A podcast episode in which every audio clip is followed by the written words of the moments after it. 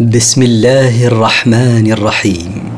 مركز تفسير للدراسات القرآنية يقدم المختصر في تفسير القرآن الكريم صوتيا. برعاية أوقاف نور الملاحي. سورة النمل من مقاصد السورة. الامتنان على النبي صلى الله عليه وسلم بنعمة القرآن وشكرها والصبر على تبليغه. التفسير. طاسين تلك آيات القرآن وكتاب مبين. طاسين. تقدم الكلام على نظائرها في بداية سورة البقرة. هذه الآيات المنزلة عليك هي آيات القرآن وكتاب واضح لا لبس فيه. من تدبره علم أنه من عند الله. هدى وبشرى للمؤمنين. هذه الآيات هادية إلى الحق مرشدة إليه ومبشرة للمؤمنين بالله ورسله. الذين يقيمون الصلاة ويؤتون الزكاة وهم بالآخرة هم يوقنون. الذين يؤدون الصلاة على أكمل وجه ويعطون زكاة أموالهم بصرفها إلى مصارفها وهم موقنون بما في الآخرة من ثواب وعقاب. إن الذين لا يؤمنون بالآخرة زينا لهم أعمالهم فهم يعمهون. إن الكافرين الذين لا يؤمنون بالآخرة وما فيها من ثواب وعقاب حسنا لهم أعمالهم السيئة فاستمروا على فعلها. فهم متحيرون لا يهتدون إلى صواب ولا رشد. أولئك الذين لهم سوء العذاب وهم في الآخرة هم الأخسرون. أولئك الموصوفون بما ذكر هم الذين لهم سوء العذاب في الدنيا بالقتل والأسر. وهم في الآخرة أكثر الناس خسرانا حيث يخسرون أنفسهم وأهليهم يوم القيامة بتخليدهم في النار. وإنك لتلقى القرآن من لدن حكيم عليم. وإنك أيها الرسول لتتلقى هذا القرآن المنزل عليك من عند حكيم في خلقه وتدبيره وشرعه عليم لا يخفى عليه شيء من مصالح عباده.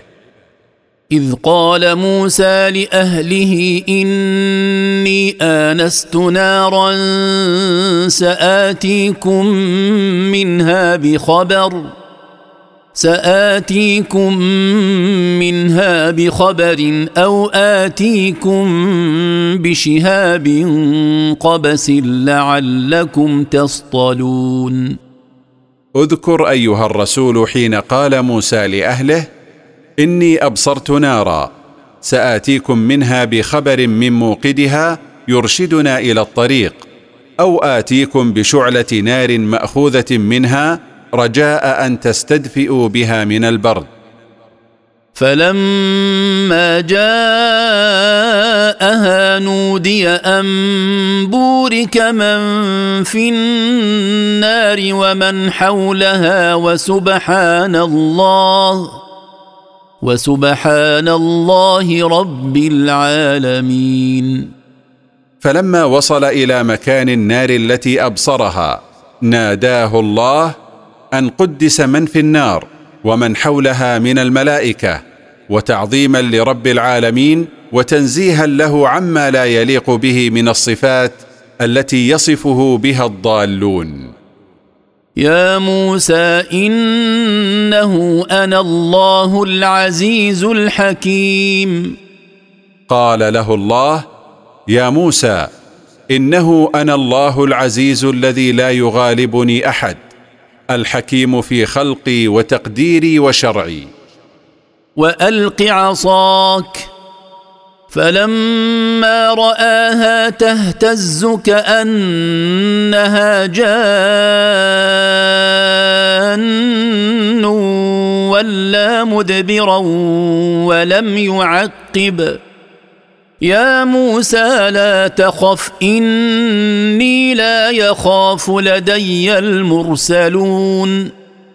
وألق عصاك فامتثل موسى فلما رآها موسى تضطرب وتتحرك كأنها حية ولى مدبرا عنها ولم يرجع.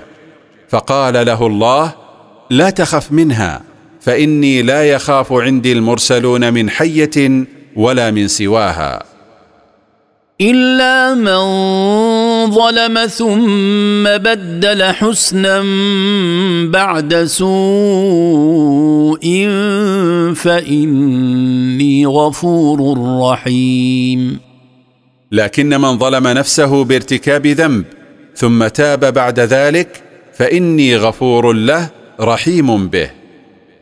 وأدخل يدك في جيبك تخرج بيضاء من غير سوء. في تسع آيات إلى فرعون وقومه إنهم كانوا قوما فاسقين. وأدخل يدك في فتحة قميصك مما يلي الرقبة تخرج بعد إدخالك لها بيضاء مثل الثلج من غير برص ضمن تسع آيات تشهد بصدقك. هي مع اليد العصا والسنون ونقص الثمرات والطوفان والجراد والقمل والضفادع والدم إلى فرعون وقومه. إنهم كانوا قوما خارجين عن طاعة الله بالكفر به. فلما جاءتهم آياتنا مبصرة قالوا هذا سحر مبين. فلما جاءتهم آياتنا هذه التي أيدنا بها موسى واضحة ظاهرة قالوا هذا الذي جاء به موسى من الآيات سحر بين. وجحدوا بها واستيقنتها أنفسهم ظلما وعلوا. فانظر كيف كان عاقبة المفسدين. وكفروا بهذه الآيات البينات ولم يقروا بها. واستيقنت أنفسهم أنها من عند الله بسبب ظلمهم واستكبارهم عن الحق. فتأمل أيها الرسول كيف كانت عاقبة المفسدين في الأرض بكفرهم ومعاصيهم فقد أهلكناهم ودمرناهم كلهم. ولقد آتينا داود وسليمان علما وقال الحمد لله الذي فضلنا على كثير من عباده المؤمنين. ولقد أعطينا داود وابنه سليمان علما ومنه علم كلام الطير. وقال داود وسليمان شاكرين لله عز وجل الحمد لله الذي فضلنا بما خصنا به من العلم والنبوة على كثير من عباده المؤمنين.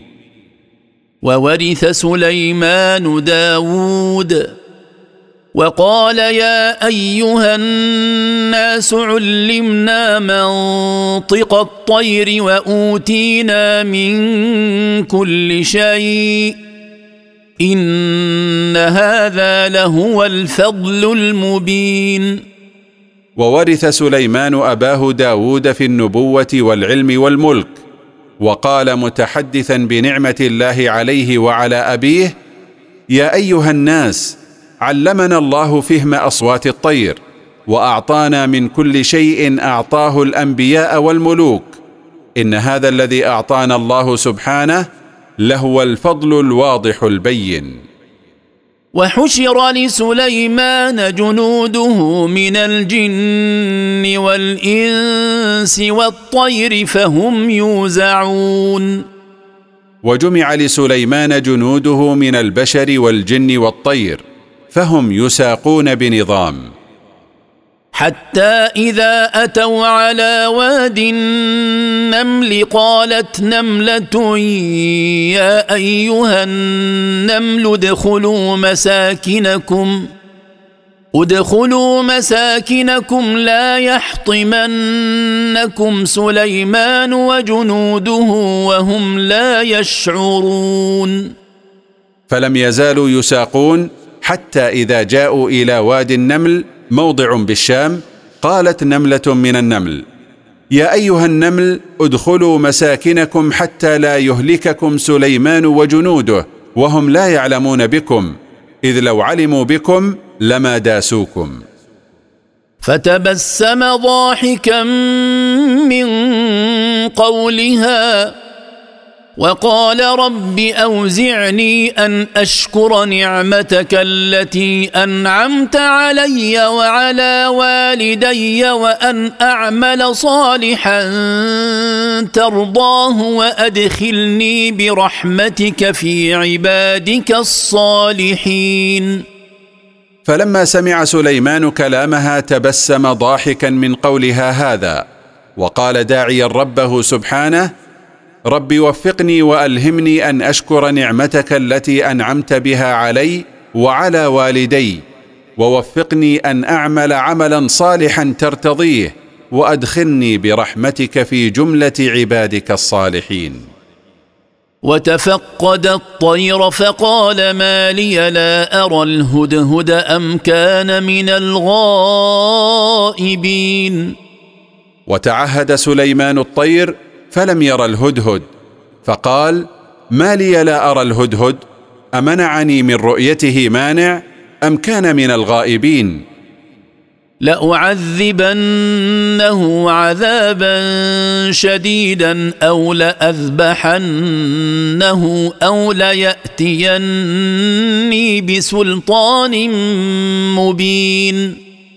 فقال لما تبين له غيابه لأعذبنه عذابا شديدا أو لأذبحنه عقابا له على غيابه أو ليأتيني بحجة واضحة تبين عذره في الغياب. فمكث غير بعيد فقال أحطت بما لم تحط به وجئتك من سبأ بنبأ يقين. فمكث الهدهد في غيابه زمنا غير بعيد. فلما جاء قال لسليمان عليه السلام اطلعت على ما لم تطلع عليه وجئتك من أهل سبأ بخبر صادق لا شك فيه. إني وجدت امرأة تملكهم وأوتيت من كل شيء ولها عرش عظيم. إني وجدت امرأة تحكمهم وأعطيت هذه المرأة من كل شيء من أسباب القوة والملك ولها سرير عظيم تدير من فوقه شؤون قومها. وجدتها وقومها يسجدون للشمس من دون الله وزين لهم الشيطان أعمالهم. وزين لهم الشيطان أعمالهم فصدهم عن السبيل فهم لا يهتدون.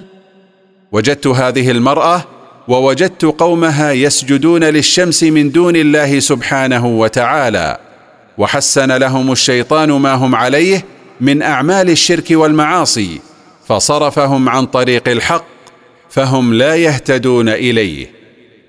ألا يسجدوا لله الذي يخرج الخبأ في السماوات والأرض ويعلم ما تخفون وما تعلنون. حسن لهم الشيطان أعمال الشرك والمعاصي لئلا يسجدوا لله وحده الذي يخرج ما ستره في السماء من المطر وفي الأرض من النبات ويعلم ما تخفونه من الأعمال وما تظهرونه. لا يخفى عليه من ذلك شيء. الله لا إله إلا هو رب العرش العظيم. الله لا معبود بحق غيره رب العرش العظيم. قال سننظر أصدقت أم كنت من الكاذبين؟ قال سليمان عليه السلام للهدهد سننظر أصدقت فيما تدعيه أم كنت من الكاذبين؟ اذهب بكتابي هذا فألقه إليهم ثم تول عنهم فانظر ماذا يرجعون. فكتب سليمان كتابا وسلمه للهدهد وقال له اذهب بكتابي هذا فارمه إلى أهل سبأ وسلمهم إياه وتنحى عنهم جانبا بحيث تسمع ما يرددون بشأنه. قالت يا أيها الملأ إني ألقي إلي كتاب كريم. واستلمت الملكة الكتاب وقالت يا أيها الأشراف إني ألقي إلي كتاب كريم جليل. إنه من سليمان وإنه بسم الله الرحمن الرحيم. مضمون هذا الكتاب المرسل من سليمان المفتتح ببسم الله الرحمن الرحيم. ألا تعلوا علي وأتوني مسلمين. ألا تتكبروا. واتوني منقادين مستسلمين لما ادعوكم اليه من توحيد الله وترك ما أنتم عليه من الشرك به حيث عبدتم الشمس معه. قالت يا أيها الملأ أفتوني في أمري ما كنت قاطعة أمرا حتى تشهدون. قالت الملكة يا أيها الأشراف والسادة بينوا لي وجه الصواب في أمري. ما كنت قاضية امرا حتى تحضروني وتظهروا رأيكم فيه. قالوا نحن أولو قوة وأولو بأس شديد والأمر إليك فانظري ماذا تأمرين. قال لها الأشراف من قومها نحن أصحاب قوة عظيمة وأصحاب بأس قوي في الحرب. والرأي ما ترينه. فانظري ماذا تأمريننا به فنحن قادرون على تنفيذه. قالت إن الملوك إذا دخلوا قرية أفسدوها وجعلوا أعزة أهلها أذلة. وكذلك يفعلون. قالت الملكة إن الملوك إذا دخلوا قرية من القرى أفسدوها بما يقومون به من القتل والسلب والنهب وصيروا سادتها وأشرافها أذلاء بعدما كانوا فيه من العزة والمنعة وكذلك يفعل الملوك دائما إذا تغلبوا على أهل قرية ليزرعوا الهيبة والرعب في النفوس.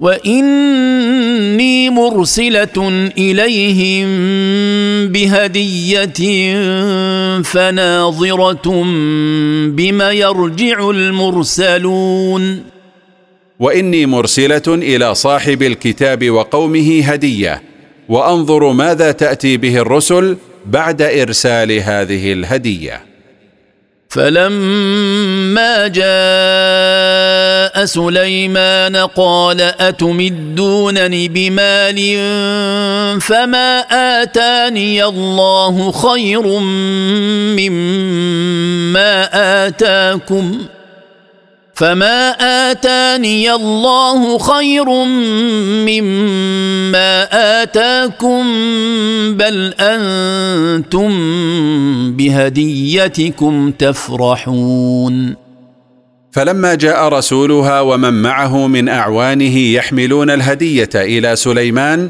انكر عليهم سليمان ارسال الهديه قائلا اتمدونني بالاموال لتثنونني عنكم؟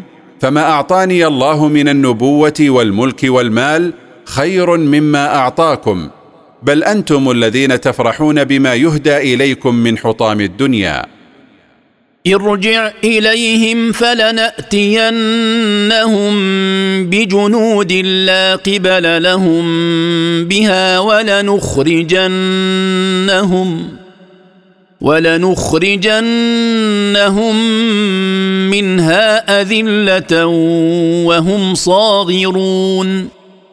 قال سليمان عليه السلام لرسولها ارجع إليهم بما جئت من هدية فلنأتينها وقومها بجنود لا طاقة لهم بمواجهتهم ولنخرجنهم من سبأ وهم أذلة مهانون بعدما كانوا فيه من العزة إن لم يأتوني منقادين. قال يا أيها الملأ أيكم يأتيني بعرشها قبل أن يأتوني مسلمين. قال سليمان عليه السلام مخاطبا أعيان أهل ملكه. يا أيها الملأ أيكم يأتيني بسرير ملكها قبل أن يأتوني منقادين. قال عفريت من الجن أنا آتيك به قبل أن تقوم من مقامك وإني عليه لقوي أمين.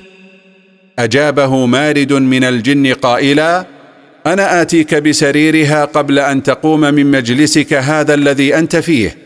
وإني لقوي على حمله أمين على ما فيه فلن أنقص منه شيئا. قال الذي عنده علم من الكتاب أنا آتيك به قبل أن يرتد إليك طرفك. فلما رآه مستقرا عنده قال هذا من فضل ربي ليبلوني أأشكر أم أكفر؟ ومن شكر فإنما يشكر لنفسه ومن كفر فإن ربي غني كريم. قال رجل صالح عالم عند سليمان عنده علم من الكتاب ومن ضمنه اسم الله الأعظم الذي إذا دعي به أجاب. أنا آتيك بسريرها قبل أن ترمش عينك بأن أدعو الله فيأتي به. فدعا فاستجاب الله له دعاءه فلما رأى سليمان سريرها مستقرا عنده قال هذا من فضل ربي سبحانه ليختبرني أأشكر نعمه أم أكفرها؟ ومن شكر الله فإنما نفع شكره عائد إليه فالله غني لا يزيده شكر العباد. ومن جحد نعم الله فلم يشكرها له فإن ربي غني عن شكره كريم. ومن كرمه إفضاله على من يجحدها. قال نكروا لها عرشها ننظر أتهتدي أم تكون من الذين لا يهتدون؟ قال سليمان عليه السلام غيروا لها سرير ملكها عن هيئته التي كان عليها ننظر أتهتدي إلى معرفة أنه سريرها أم تكون من الذين لا يهتدون إلى معرفة أشيائهم؟ فلما جاءت قيل اهكذا عرشك قالت كانه هو واوتينا العلم من قبلها وكنا مسلمين فلما جاءت ملكه سبا إلى سليمان قيل لها اختبارا لها اهذا مثل عرشك؟ فاجابت طبق السؤال كأنه هو. فقال سليمان وأعطانا الله العلم من قبلها لقدرته على مثل هذه الأمور وكنا منقادين لأمر الله مطيعين له. وصدها ما كانت تعبد من دون الله. إنها كانت من قوم كافرين.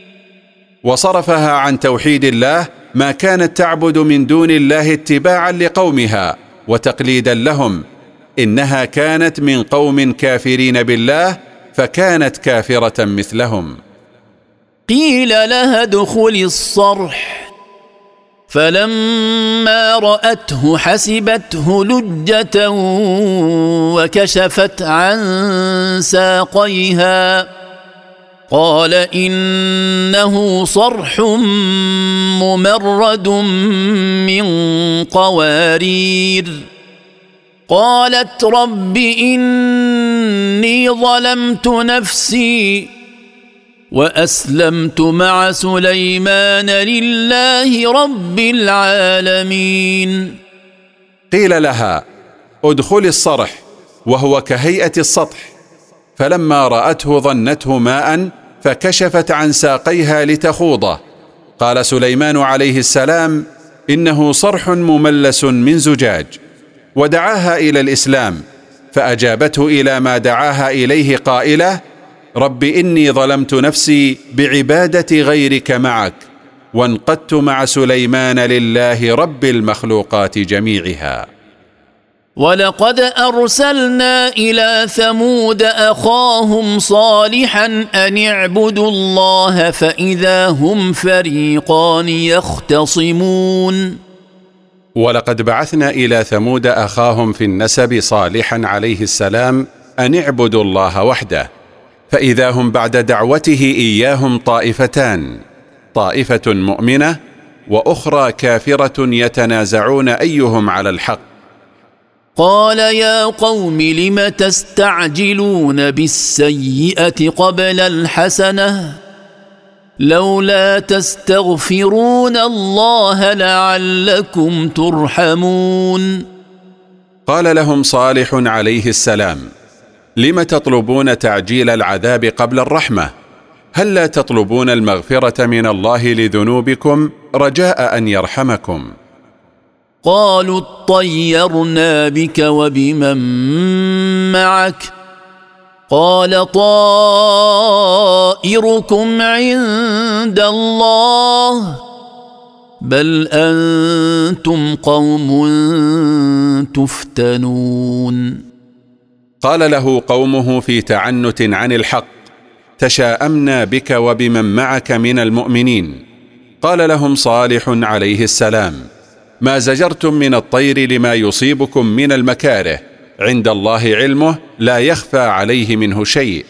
بل أنتم قوم تختبرون بما يبسط لكم من الخير وبما ينالكم من الشر.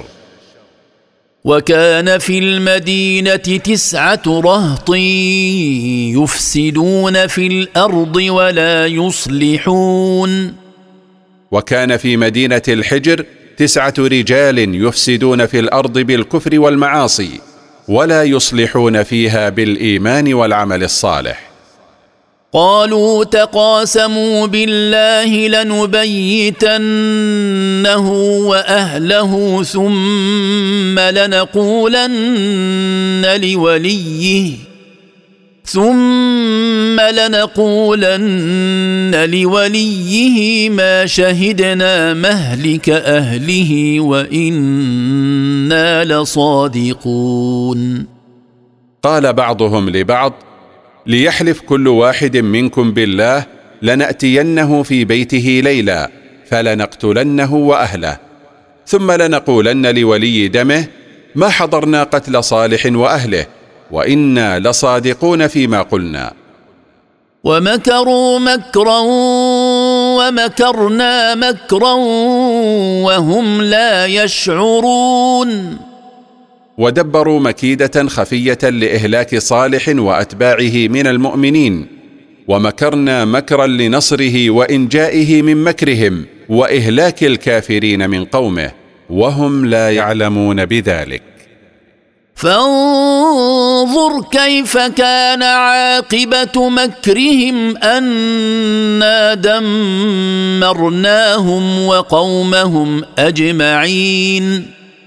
فتأمل أيها الرسول كيف كان مآل تدبيرهم ومكرهم أن استأصلناهم بعذاب من عندنا فهلكوا عن آخرهم. فتلك بيوتهم خاوية بما ظلموا. إن في ذلك لآية لقوم يعلمون.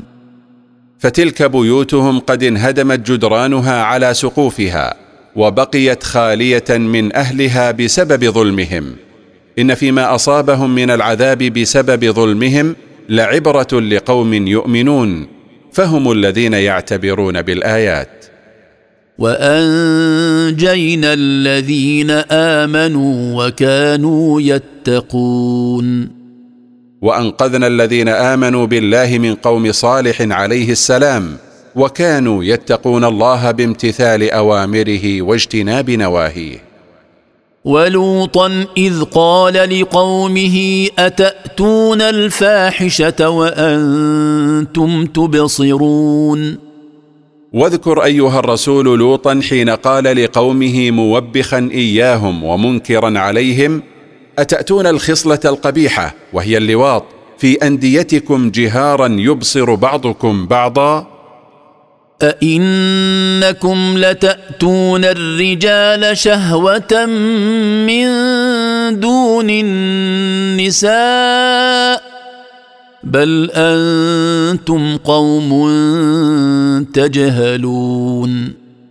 أئنكم لتأتون الرجال على سبيل الاشتهاء دون النساء لا تريدون إعفافا ولا ولدا وإنما قضاء شهوة بهيمية. بل أنتم قوم تجهلون ما يجب عليكم من الإيمان والطهر والبعد عن المعاصي. فما كان جواب قومه إلا أن قالوا أخرجوا آل لوط من قريتكم إنهم أناس يتطهرون. فما كان لقومه من جواب إلا قولهم آخرجوا آل لوط من قريتكم. إنهم أناس يتنزهون عن الأقذار والأنجاس. قالوا ذلك استهزاء بآل لوط الذين لا يشاركونهم فيما يرتكبونه من الفواحش بل ينكرون عليهم ارتكابها. فأنجيناه وأهله إلا امرأته قدرناها من الغابرين. فسلمناه وسلمنا أهله إلا امرأته حكمنا عليها أن تكون من الباقين في العذاب لتكون من الهالكين. وأمطرنا عليهم مطرا فساء مطر المنذرين.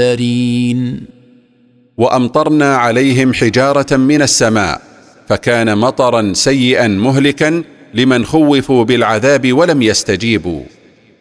قل الحمد لله وسلام على عباده الذين اصطفى.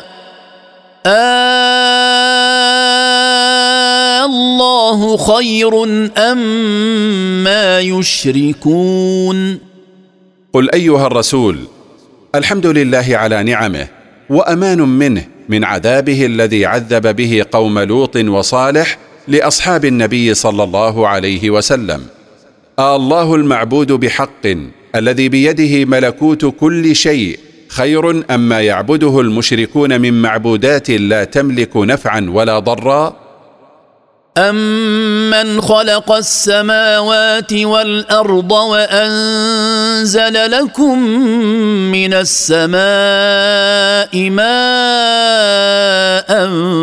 فانبتنا به فأنبتنا به حدائق ذات بهجة ما كان لكم أن تنبتوا شجرها أإله مع الله بل هم قوم يعدلون أمن خلق السماوات والأرض على غير مثال سابق وأنزل لكم أيها الناس من السماء ماء المطر فأنبتنا لكم به حدائق ذات حسن وجمال. ما كان لكم أن تنبتوا شجر تلك الحدائق لعجزكم عن ذلك؟ فالله هو الذي أنبتها. أمعبود فعل هذا مع الله؟ لا. بل هم قوم ينحرفون عن الحق فيسوون الخالق بالمخلوقين ظلما. امن جعل الأرض قرارا وجعل خلالها أنهارا وجعل لها رواسي وجعل بين البحرين حاجزا أإله مع الله بل أكثرهم لا يعلمون أمن صير الأرض مستقرة ثابتة لا تضطرب بمن عليها وصير داخلها أنهارا تجري وصير لها جبالا ثوابت وصير بين البحرين المالح والعذب فاصلا يمنع اختلاط المالح بالعذب حتى لا يفسده فلا يصلح للشرب. أمعبود فعل ذلك مع الله؟ لا بل معظمهم لا يعلمون ولو كانوا يعلمون لما أشركوا بالله احدا من مخلوقاته. امن يجيب المضطر إذا دعاه ويكشف السوء ويجعلكم خلفاء الأرض أإله مع الله قليلا ما تذكرون أمن يجيب من ضاق عليه أمره واشتد إذا دعاه ويرفع ما يقع بالإنسان من مرض وفقر وغيرهما. ويصيركم خلفاء في الأرض يخلف بعضكم بعضا جيلا بعد جيل. أمعبود يفعل ذلك مع الله؟ لا. قليلا ما تتعظون وتعتبرون. امن يهديكم في ظلمات البر والبحر ومن يرسل الرياح بشرا بين يدي رحمته أإله مع الله تعالى الله عما يشركون امن يهديكم في ظلمات البر وظلمات البحر بما ينصبه لكم من معالم ونجوم ومن يبعث الرياح مبشرات بقرب نزول المطر الذي يرحم به عباده أمعبود يفعل ذلك مع الله؟ تنزه الله وتقدس عما يشركون به من مخلوقاته. امن يبدا الخلق ثم يعيده ومن يرزقكم من السماء والارض أإله مع الله قل هاتوا برهانكم ان كنتم صادقين امن يبدا الخلق في الارحام مرحله بعد مرحله ثم يحييه بعدما يميته. ومن يرزقكم من السماء بالمطر المنزل من جهته ويرزقكم من الأرض بالنبات الذي ينبته فيها امعبود يفعل ذلك مع الله؟ قل ايها الرسول لهؤلاء المشركين هاتوا حججكم على ما أنتم عليه من الشرك ان كنتم صادقين فيما تدعونه. من أنكم على حق. قل لا يعلم من في السماوات والأرض الغيب إلا الله وما يشعرون أيان يبعثون. قل أيها الرسول لا يعلم الغيب من في السماوات من الملائكة ولا من في الأرض من الناس لكن الله وحده هو الذي يعلمه. وما يعلم جميع من في السماوات ومن في الأرض متى يبعثون للجزاء إلا الله. بل ادارك علمهم في الآخرة بل هم في شك منها بل هم منها عمون. أم هل تتابع علمهم بالآخرة فأيقنوا بها؟ لا. بل هم في شك وحيرة من الآخرة بل قد عميت بصائرهم عنها. وقال الذين كفروا أإذا كنا ترابا وآباؤنا أئنا لمخرجون. وقال الذين كفروا مستنكرين أإذا متنا وكنا ترابا أيمكن أن نبعث أحياء؟ لقد وعدنا هذا نحن وآباؤنا من قبل إن هذا إلا أساطير الأولين. لقد وعدنا نحن ووعد آباؤنا من قبل أننا نبعث جميعا فلم نر تحقيقا لذلك الوعد. ما هذا الوعد الذي وعدناه جميعا إلا أكاذيب الأولين التي دونوها في كتبهم؟ قل سيروا في الأرض فانظروا كيف كان عاقبة المجرمين. قل أيها الرسول لهؤلاء المنكرين للبعث سيروا في أي جهة من الأرض فتأملوا كيف كانت نهاية المجرمين المكذبين بالبعث فقد أهلكناهم لتكذيبهم به. ولا تحزن عليهم ولا تكن في ضيق مما يمكرون. ولا تحزن بسبب إعراض المشركين عن دعوتك ولا يضق صدرك من كيدهم فالله ناصرك عليهم.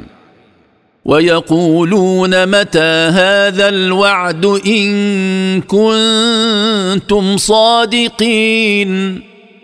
ويقول الكفار المنكرون للبعث من قومك متى يتحقق ما تعدنا به أنت والمؤمنون من العذاب إن كنتم صادقين فيما تدعونه من ذلك؟ قل عسى أن يكون ردف لكم بعض الذي تستعجلون. قل لهم أيها الرسول عسى أن يكون اقترب لكم بعض ما تستعجلون به من العذاب. وان ربك لذو فضل على الناس ولكن اكثرهم لا يشكرون وان ربك ايها الرسول لذو فضل على الناس حيث يترك معاجلتهم بالعقوبه مع ما هم عليه من الكفر والمعاصي. ولكن معظم الناس لا يشكرون الله على ما ينعم به عليهم. وان ربك ليعلم ما تكن صدورهم وما يعلنون وان ربك ليعلم ما تضمر قلوب عباده وما يظهرونه. لا يخفى عليه شيء من ذلك وسيجازيهم عليه. وما من غائبه في السماء والارض الا في كتاب مبين وما من شيء غائب عن الناس في السماء ولا غائب عنهم في الأرض الا هو في كتاب مبين وهو اللوح المحفوظ. إن هذا القرآن يقص على بني إسرائيل أكثر الذي هم فيه يختلفون. إن هذا القرآن المنزل على محمد صلى الله عليه وسلم يقص على بني إسرائيل أكثر ما يختلفون فيه ويكشف انحرافاتهم. وانه لهدى ورحمه للمؤمنين. وانه لهدايه ورحمه للمؤمنين العاملين بما جاء فيه.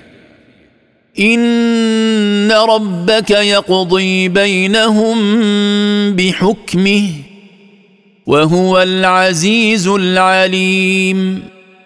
ان ربك ايها الرسول يقضي بين الناس مؤمنهم وكافرهم يوم القيامة بحكمه العدل فيرحم المؤمن ويعذب الكافر وهو العزيز الذي ينتقم من أعدائه ولا يغالبه أحد العليم الذي لا يلتبس عليه محق بمبطل. فتوكل على الله إنك على الحق المبين.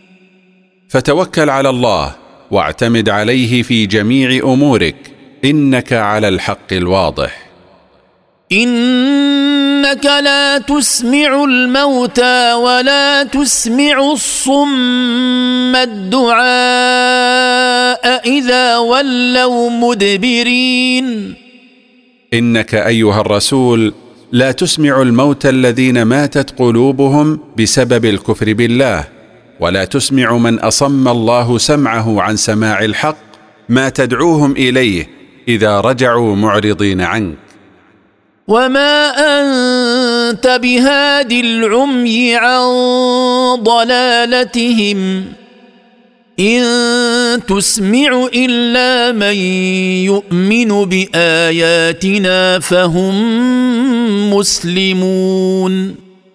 ولست بهادي من عميت بصائرهم عن الحق فلا تحزن عليهم وتتعب نفسك. ما تقدر أن تفهم الحق إلا من يؤمن بآياتنا فهم منقادون لأوامر الله. وإذا وقع القول عليهم أخرجنا لهم دابة من الأرض تكلمهم. تكلمهم أن الناس كانوا بآياتنا لا يوقنون.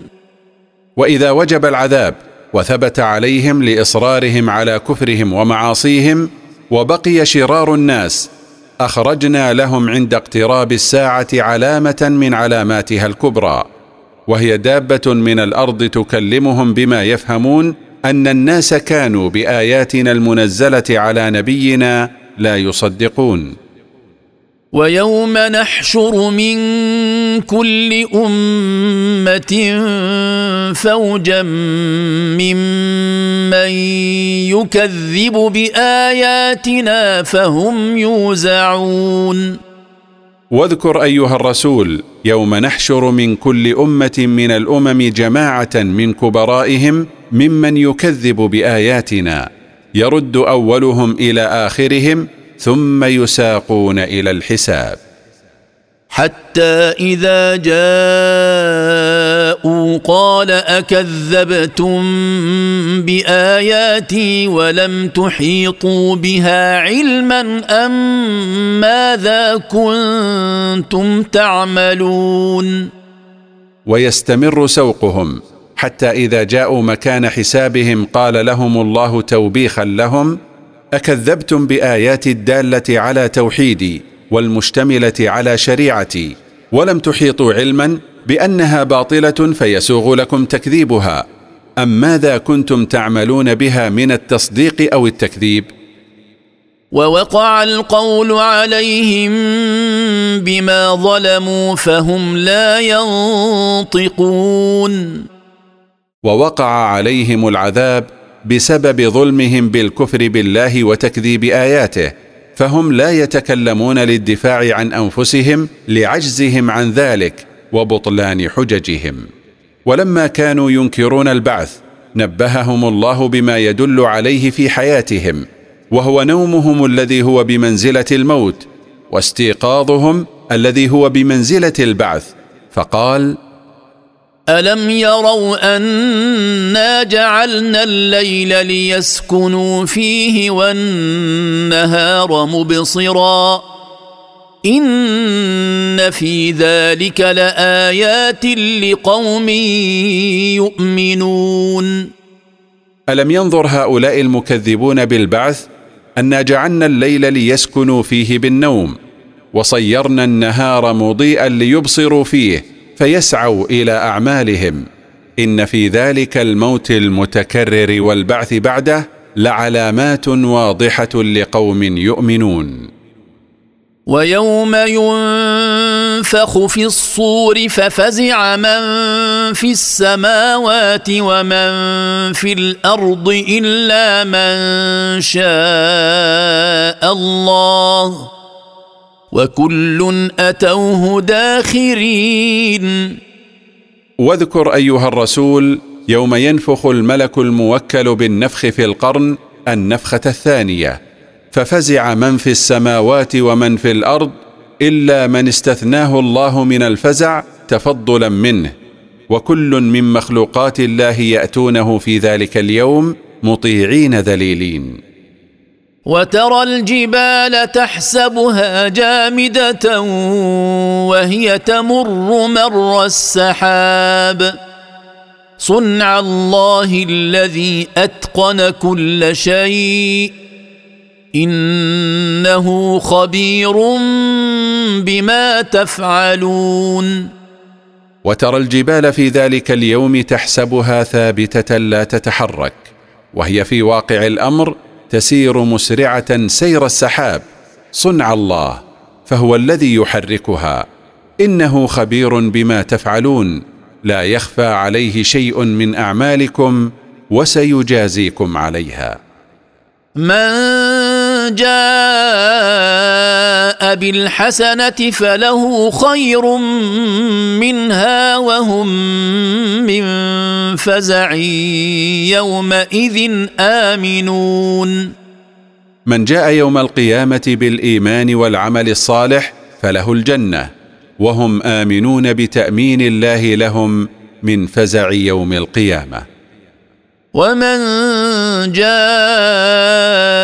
بالسيئة فكبت وجوههم في النار. هل تجزون إلا ما كنتم تعملون؟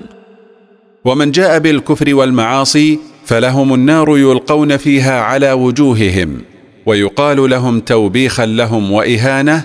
هل تجزون إلا ما كنتم تعملونه في الدنيا من الكفر والمعاصي؟ إنما أمرت أن أعبد رب هذه البلدة الذي حرمها وله كل شيء. وأمرت أن أكون من المسلمين. قل لهم أيها الرسول إنما أمرت أن أعبد رب مكة الذي حرمها فلا يسفك فيها دم ولا يظلم فيها أحد ولا يقتل صيدها ولا يقطع شجرها. وله سبحانه ملك كل شيء. وأمرت أن أكون من المستسلمين لله المنقادين له بالطاعة. وأن أتلو القرآن. فمن اهتدى فإنما يهتدي لنفسه. ومن ضل فقل انما أنا من المنذرين وامرت ان اتلو القران على الناس فمن اهتدى بهديه وعمل بما فيه فنفع هدايته لنفسه ومن ضل وانحرف عما فيه وانكره ولم يعمل بما فيه فقل انما أنا من المنذرين انذركم من عذاب الله. وليس بيدي هدايتكم. وقل الحمد لله سيريكم آياته فتعرفونها وما ربك بغافل عما تعملون. وقل أيها الرسول الحمد لله على نعمه التي لا تحصى. سيريكم الله آياته في أنفسكم وفي السماء والأرض والرزق. فتعرفونها معرفة ترشدكم إلى الإذعان للحق. وليس ربك بغافل عما تعملون بل هو مطلع عليه لا يخفى عليه منه شيء وسيجازيكم عليه.